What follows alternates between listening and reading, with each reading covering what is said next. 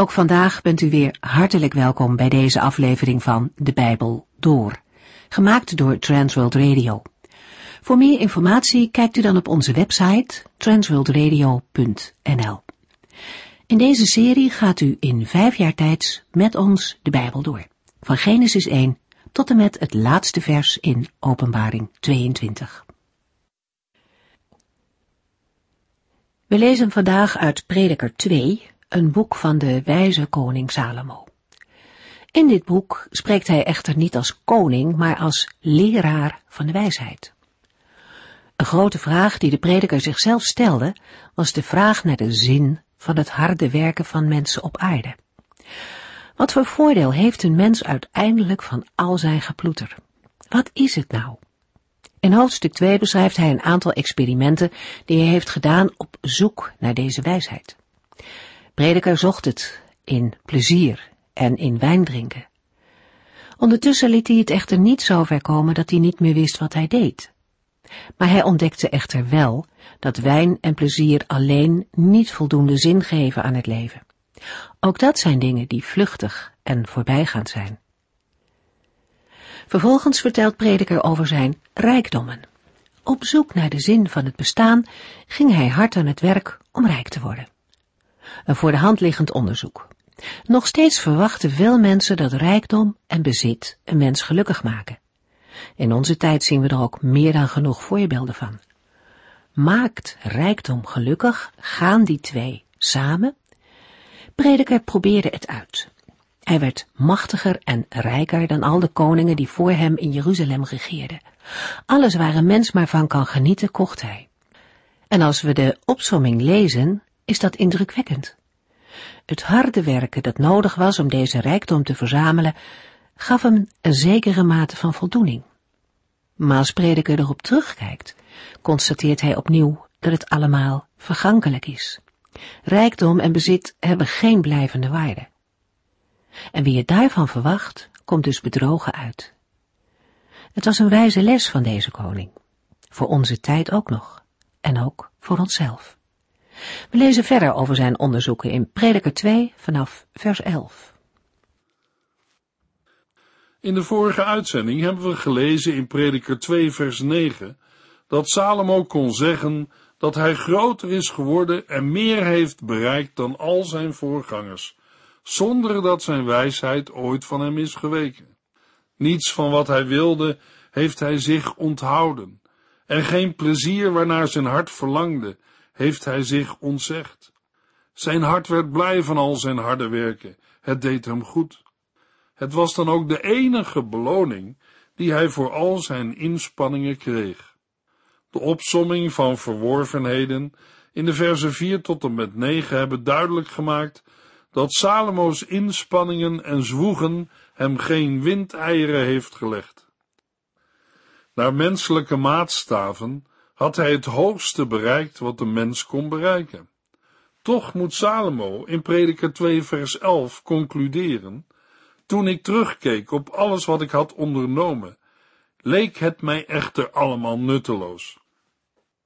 Het was weer een najagen van dromen en nergens was iets werkelijk waardevols te vinden.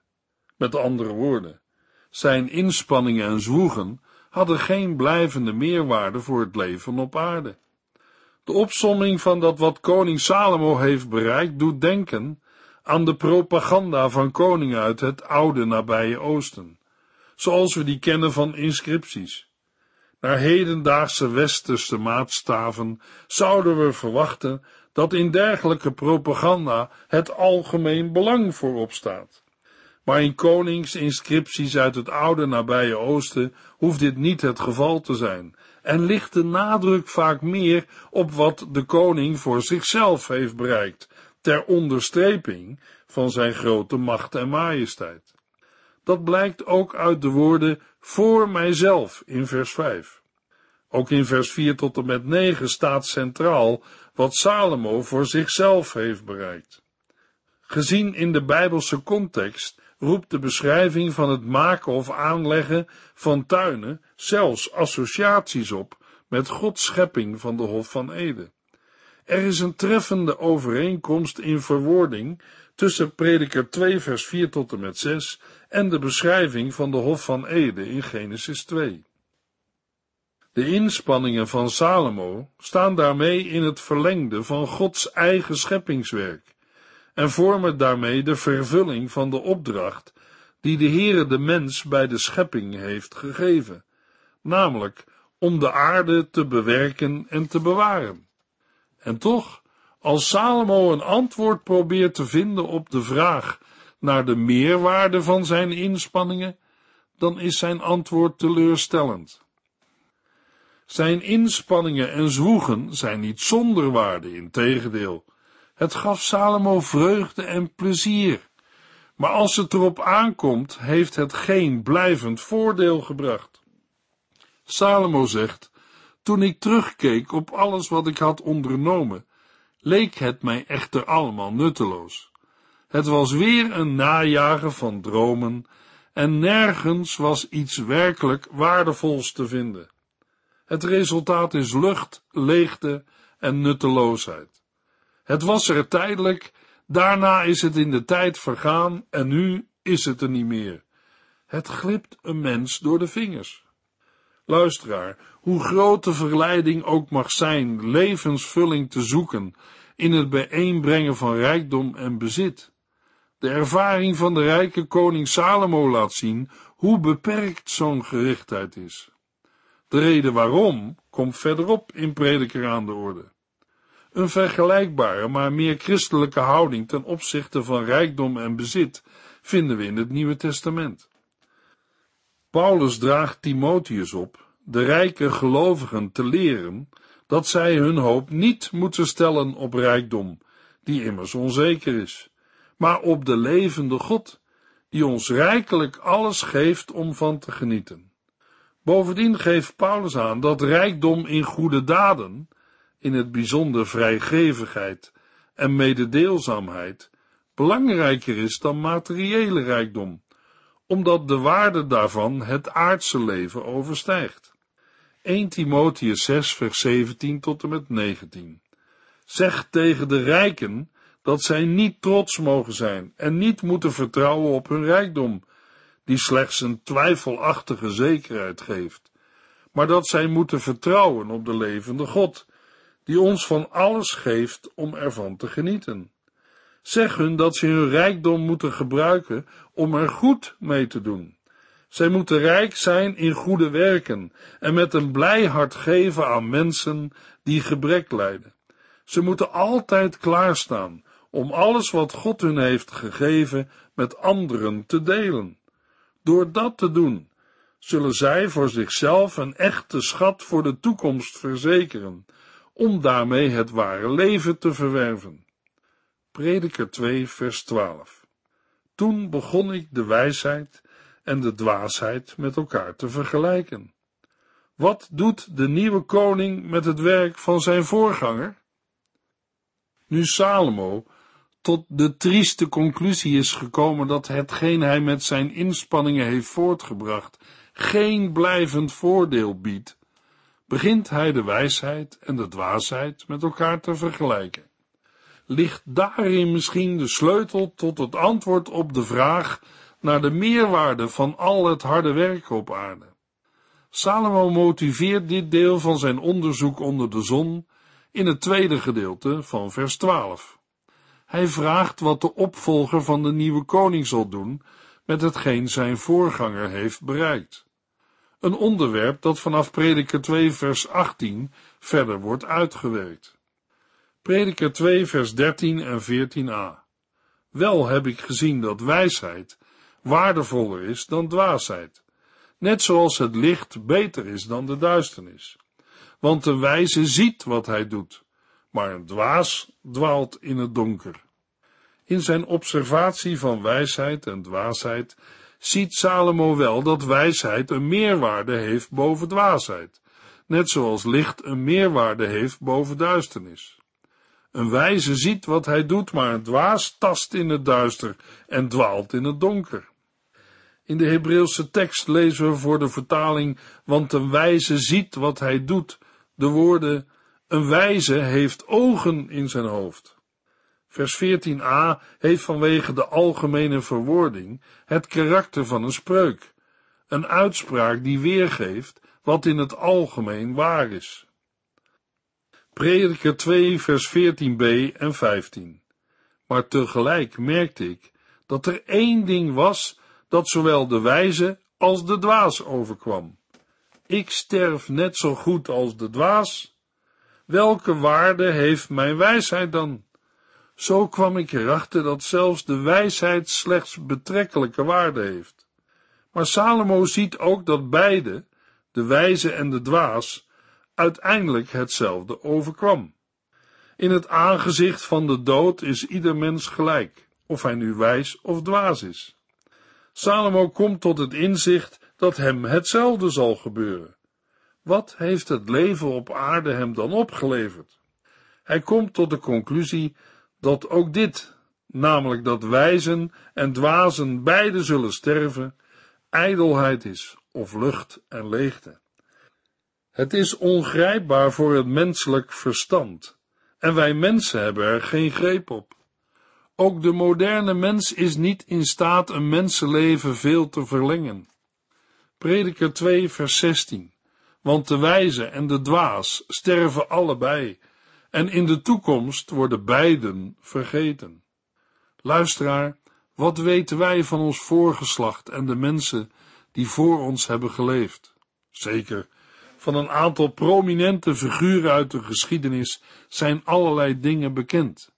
Maar van de meeste mensen weten wij het niet. Ze zijn vergeten. In Psalm 49, vers 10 tot en met 12 lezen we: Het is onmogelijk dat iemand altijd blijft leven en nooit zou sterven. Steeds weer zien wij dat wijze mensen sterven en ook dat onredelijke en domme mensen allemaal sterven. Zij moeten hun aardse bezittingen aan anderen nalaten. Het grootste wat zij tot stand brengen, is dat hun huizen jarenlang blijven staan en dat hun nageslacht daarin zal wonen. Of zij noemen hun land naar zichzelf. Wie een mens ook is en hoe intelligent hij of zij mag wezen, als het onze tijd is, een tijd die God bepaalt, dan zullen we allemaal sterven. Of we maken als levenden de wederkomst van de Heer Jezus mee. Niets in deze wereld kan dat voorkomen. Prediker 2, vers 17. Daarom heb ik een hekel gekregen aan het leven. Al het werk op aarde stond mij tegen. Alles schijnt nutteloos, dwaas en het najagen van dromen te zijn. Hoe kan het dat de wijze sterft en vergeten wordt, zodat zijn bestaan als het ware wordt uitgewist, en dat het hem of haar niet anders vergaat dan een dwaas? Juist omdat Salomo het antwoord op die vraag niet kon geven, kreeg hij een hekel aan het leven. Zelfs al het werk op aarde stond hem tegen. Immers, alles schijnt nutteloos, dwaas en het najagen van dromen te zijn. Het geeft niet de houvast waarnaar Salomo op zoek is. Voor het woord hekel staat in het Hebreeuws haten, een gevoel van afkeer omdat alles een groot kwaad is. Het onderstreept hoe sterk de gevoelens zijn waarmee Salomo's onderzoek naar de zin van het harde werken en zwoegen op aarde gepaard gaat.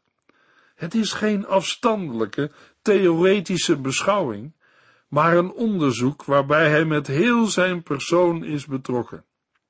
De versen 12 tot en met 17 roepen de vraag op hoe Salomon nu eigenlijk tegen wijsheid aankijkt. Verschillende Bijbeluitleggers gaan ervan uit dat Salomo een andere visie op het zoeken naar wijsheid heeft dan we in andere oud-testamentische Bijbelboeken aantreffen. In deze andere Bijbelboeken worden mensen steeds aangespoord om juist naar wijsheid te zoeken en zich ernaar uit te strekken. Zou Salomo dat nu tegenspreken door aan te geven dat zoiets zinloos is omdat ieder mens, of hij nu wijs of dwaas is, toch moet sterven? Maar dat is niet wat Salomo in Prediker zegt. Hij onderschrijft immers het uitgangspunt dat wijsheid beter is dan dwaasheid. En ook verderop in het boek beschrijft hij wijsheid als iets goeds en nuttigs. Tegelijkertijd brengt de menselijke waarneming hem tot de conclusie dat de wijsheid begrensd is. En in Prediker 2 vers 12 tot en met 17 noemt Salomo specifiek de grens van de dood. Met andere woorden, vanuit het gezichtspunt dat Salomo in deze verse kiest, namelijk de eindigheid van het leven van een mens, is de meerwaarde van wijsheid begrensd door de dood. Maar dat wil niet zeggen dat wijsheid als zodanig geen meerwaarde heeft. Ook om een andere reden is het belangrijk bij het lezen van Prediker 2 vers 12 tot en met 17 de context van het Bijbelboek als geheel in gedachten te houden. Bij moderne lezers roepen de uitspraken in deze versen gemakkelijk fatalistische associaties op. Op het eerste gezicht lijkt vers 17 de fatalistische associaties te bevestigen, omdat Salomo zegt een hekel aan het leven te hebben. Maar een dergelijke interpretatie past niet bij de toon van het Bijbelboek als geheel, waarin geen sprake is van fatalisme of pessimisme. Integendeel, Salomo prijst in Prediker 9 vers 4 en 11 vers 7 de levenden gelukkig boven de doden en spoort zijn hoorders aan in de korte tijd van hun leven te genieten van al het goede dat God geeft. Bovendien geeft Salomo in Prediker 11 vers 9 en 12 vers 14 aan dat God de mens verantwoordelijk houdt voor zijn daden, ook al onttrekt zich wat na de dood komt aan onze menselijke waarneming. Dit bredere blikveld geeft aan dat wij Salomo's woorden over het vergeten worden van dwazen en wijzen niet in absolute zin moeten begrijpen. Salomo redeneert binnen de kaders van zijn onderzoek vanuit de menselijke waarneming. Een mens kan niet verder kijken dan de grens van de dood, een thema dat in prediker vaker terugkeert.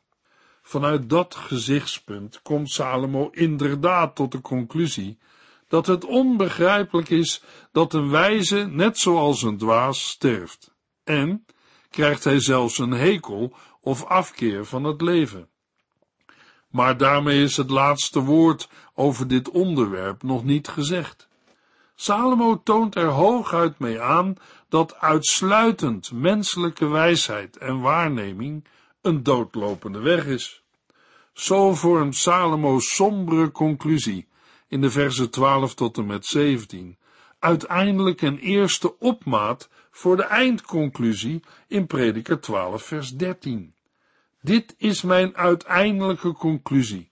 Heb ontzag voor God en volg zijn geboden op, want dat is de opdracht voor ieder mens. Dat is de beste manier om in het leven te staan. Prediker 2 vers 18. Ik kreeg een gevoel van afkeer toen ik bedacht dat ik alle vruchten van mijn harde werk aan anderen moest achterlaten. Na zijn uitstapje naar de thematiek van wijsheid en dwaasheid, in het licht van de naderende dood, komt Salomo weer terug op de thematiek die vanaf vers 4 al centraal staat, namelijk zijn onderzoek naar de meerwaarde van al het harde werken en zwoegen van de mensen op aarde.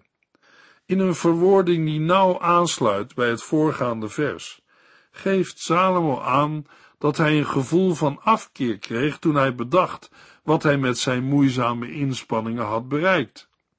De reden daarvoor is opnieuw de eindigheid van het leven. Want als hij sterft, moet hij al wat hij heeft bereikt achterlaten voor zijn opvolger. De moeite die Salomo daarmee heeft, is tweeledig. Prediker 2, vers 19. Want wie kan mij vertellen of mijn zoon een wijs man of een dwaas zal zijn? En toch zal alles aan hem worden gegeven. Het lijkt zinloos. In de eerste plaats staat niet vast of zijn opvolger wijs of dwaas is. Toch zal hij heersen over al wat Salomo met zijn inspanningen bij elkaar heeft gebracht en met zijn wijsheid heeft bereikt. Ook dat is lucht en leegte, ongrijpbaar. Een mens krijgt er geen controle over. Door de verwijzing naar zowel dwaasheid als wijsheid, worden de thema's van de versen 4 tot en met 11 en 12 tot en met 17 met elkaar verbonden. Daarmee wordt opnieuw duidelijk dat heel het betoog van prediker 2 vers 4 tot en met 28 in feite één geheel vormt. Luisteraar, heeft u er wel eens over nagedacht dat u op een zekere dag alle vruchten van uw harde werken moet achterlaten? Wat voor goeds hebben uw inspanningen dan gebracht? Veel mensen werken hun hele leven hard om de goede dingen van deze wereld te verzamelen. Maar ook zij moeten met Salomo vragen: Wie kan mij vertellen of mijn zoon een wijs man of een dwaas zal zijn? En toch zal alles aan hem worden gegeven. Heel wat familieruzies zijn uitgebroken over erfenissen en nalatenschappen. Het is verstandig om deze dingen goed te regelen en er biddend mee bezig te zijn. Mogelijk kunt u via uw kerk of gemeente de verkondiging van het evangelie ondersteunen. In de familie van Salomo is zijn vraag: wie kan mij vertellen of mijn zoon een wijs man of een dwaas zal zijn? Concreet en zichtbaar is dat geworden in de geschiedenis van zijn zoon Regabiam. Salomo liet zijn koninkrijk na aan zijn zoon Regabiam, maar zijn arrogantie was zo groot dat het heeft geleid tot het uiteenvallen van het ene koninkrijk van twaalf stammen in een tien- en twee stammenrijk. Een enorme tragedie. Prediker 2, vers 20 en 21. Daarom begon ik eraan te twijfelen of alles waarvoor ik zoveel moeite had gedaan, dat wel waard was. Want ook al zou ik mijn hele leven besteden aan het zoeken naar wijsheid, kennis en vaardigheden, ik moet het toch allemaal nalaten aan iemand die er niets voor heeft gedaan. Dat is niet alleen dwaas, maar ook erg onrechtvaardig. Het tweede dat Salomo tot innerlijke vertwijfeling of wanhoop drijft, bij al zijn harde werken en gezwoeg op aarde, is het feit dat wat hij met wijsheid, kennis en inzicht bij elkaar heeft gebracht, hij zal moeten nalaten aan iemand die er niets voor heeft gedaan. Daarbij denkt Salomo niet alleen aan zijn eigen situatie, maar spreekt hij over de algemene menselijke situatie. Maar ook dat is lucht en leegte. Het ligt buiten het bereik van de mens, die er dan ook niets aan kan veranderen. En dat niet alleen, het is ook erg onrechtvaardig. Salomo stelt in vers 21 opnieuw de vraag waarop hij in vers 24 tot en met 26 antwoord geeft. Wat krijgt een mens dus als beloning voor al zijn werk? Immers, al zijn dagen zijn gevuld met zorgen en verdriet en rusteloze doorwaakte nachten. Een ontmoedigend idee. Ook dat is lucht en leegte. In het Nieuwe Testament schetst de Heer Jezus in de gelijkenis van de rijke dwaas, een mens die gericht is op het hebben van veel spullen. Maar God noemt hem dwaas, want als hij sterft, voor wie zullen dan al zijn spullen zijn? Het is dezelfde conclusie waartoe Salomo in zijn onderzoek komt. De mens, eindig als hij is, heeft geen controle over wat er na de dood met zijn bezit gebeurt. In dat licht blijkt de waarde van hetgeen een mens voor zichzelf heeft verzameld, maar heel beperkt. In zijn toelichting bij de gelijkenis toont Jezus een andere weg, namelijk die van het rijk zijn in God, wat in het tekstverband neerkomt op anderen laten delen in je welvaart en je richten op wat eeuwigheidswaarde heeft. Het onderzoek naar de meerwaarde van hard werken en zwoegen op deze aarde, dat vanaf prediker 1 vers 4 de rode draad vormt, komt nu tot een conclusie. Prediker 2 vers 24 tot en met 26. Daarom besloot ik dat de mens niets beters kan doen dan genieten van eten en drinken bij al het werk dat hij doet. Toen realiseerde ik mij dat ook dat genoegen afkomstig is uit de hand van God. Wie kan zonder hem eten of vrolijk zijn? Want God geeft de mens die hem bevalt wijsheid, kennis en vreugde. Maar van iemand die hem niet bevalt, neemt God zijn rijkdom af en geeft het aan hen die hij graag mag. En ook dit is weer een voorbeeld van de zinloosheid van luchtkastelen bouwen. Salomo heeft gezien dat bezit, de meerwaarde van wijsheid en het gegeven dat een ander de opbrengst van het zwoegen krijgt, buiten de invloedssfeer van de mens liggen. Hij krijgt er geen grip op. Het is een voorbeeld van de zinloosheid van luchtkastelen bouwen.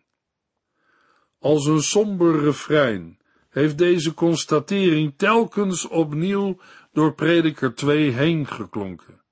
Wij zouden ook verwachten dat het antwoord op de vraag wat de mens voor beloning krijgt voor al zijn werk negatief is.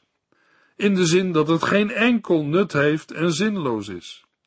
Des te verrassender is het dat Salomo tot een andere, positieve conclusie komt, die een alternatief biedt voor zijn zorgen en wanhoop. Hij komt tot de slotsom dat er niets beter is voor een mens dan dat hij eet, drinkt en geniet bij al het werk dat hij doet. En zelfs dat heeft de mens niet in eigen hand. Het ligt in de hand van de Heere. Hij is het die alles bestuurt. Wie kan zonder hem eten of vrolijk zijn? Immers de Heere geeft wijsheid, kennis en vreugde aan de mens die hem bevalt.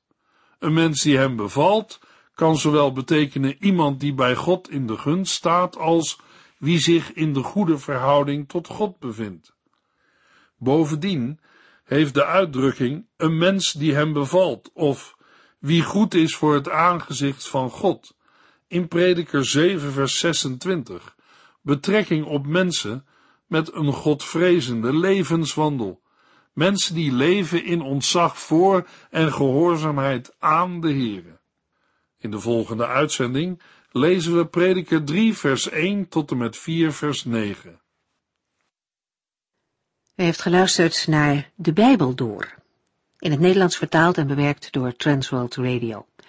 Een programma waarin we in vijf jaar tijd de hele Bijbel doorgaan. Als u wilt reageren op deze uitzending of u heeft vragen, dan kunt u contact met ons opnemen. Tijdens kantooruren kunt u bellen op 0342 47 8432 0342 47 8432. Ook kunt u een e-mail sturen naar de Bijbel door at transworldradio.nl en natuurlijk kunt u ook via de post ons bereiken. TWR, postbus 371, postcode 3770, AJ in Barneveld. Dit programma werd gepresenteerd door Cor Weda en Ike André. Techniek was in handen van Odin van Voerkom. En wij allemaal bedanken u voor het luisteren. Graag tot de volgende keer.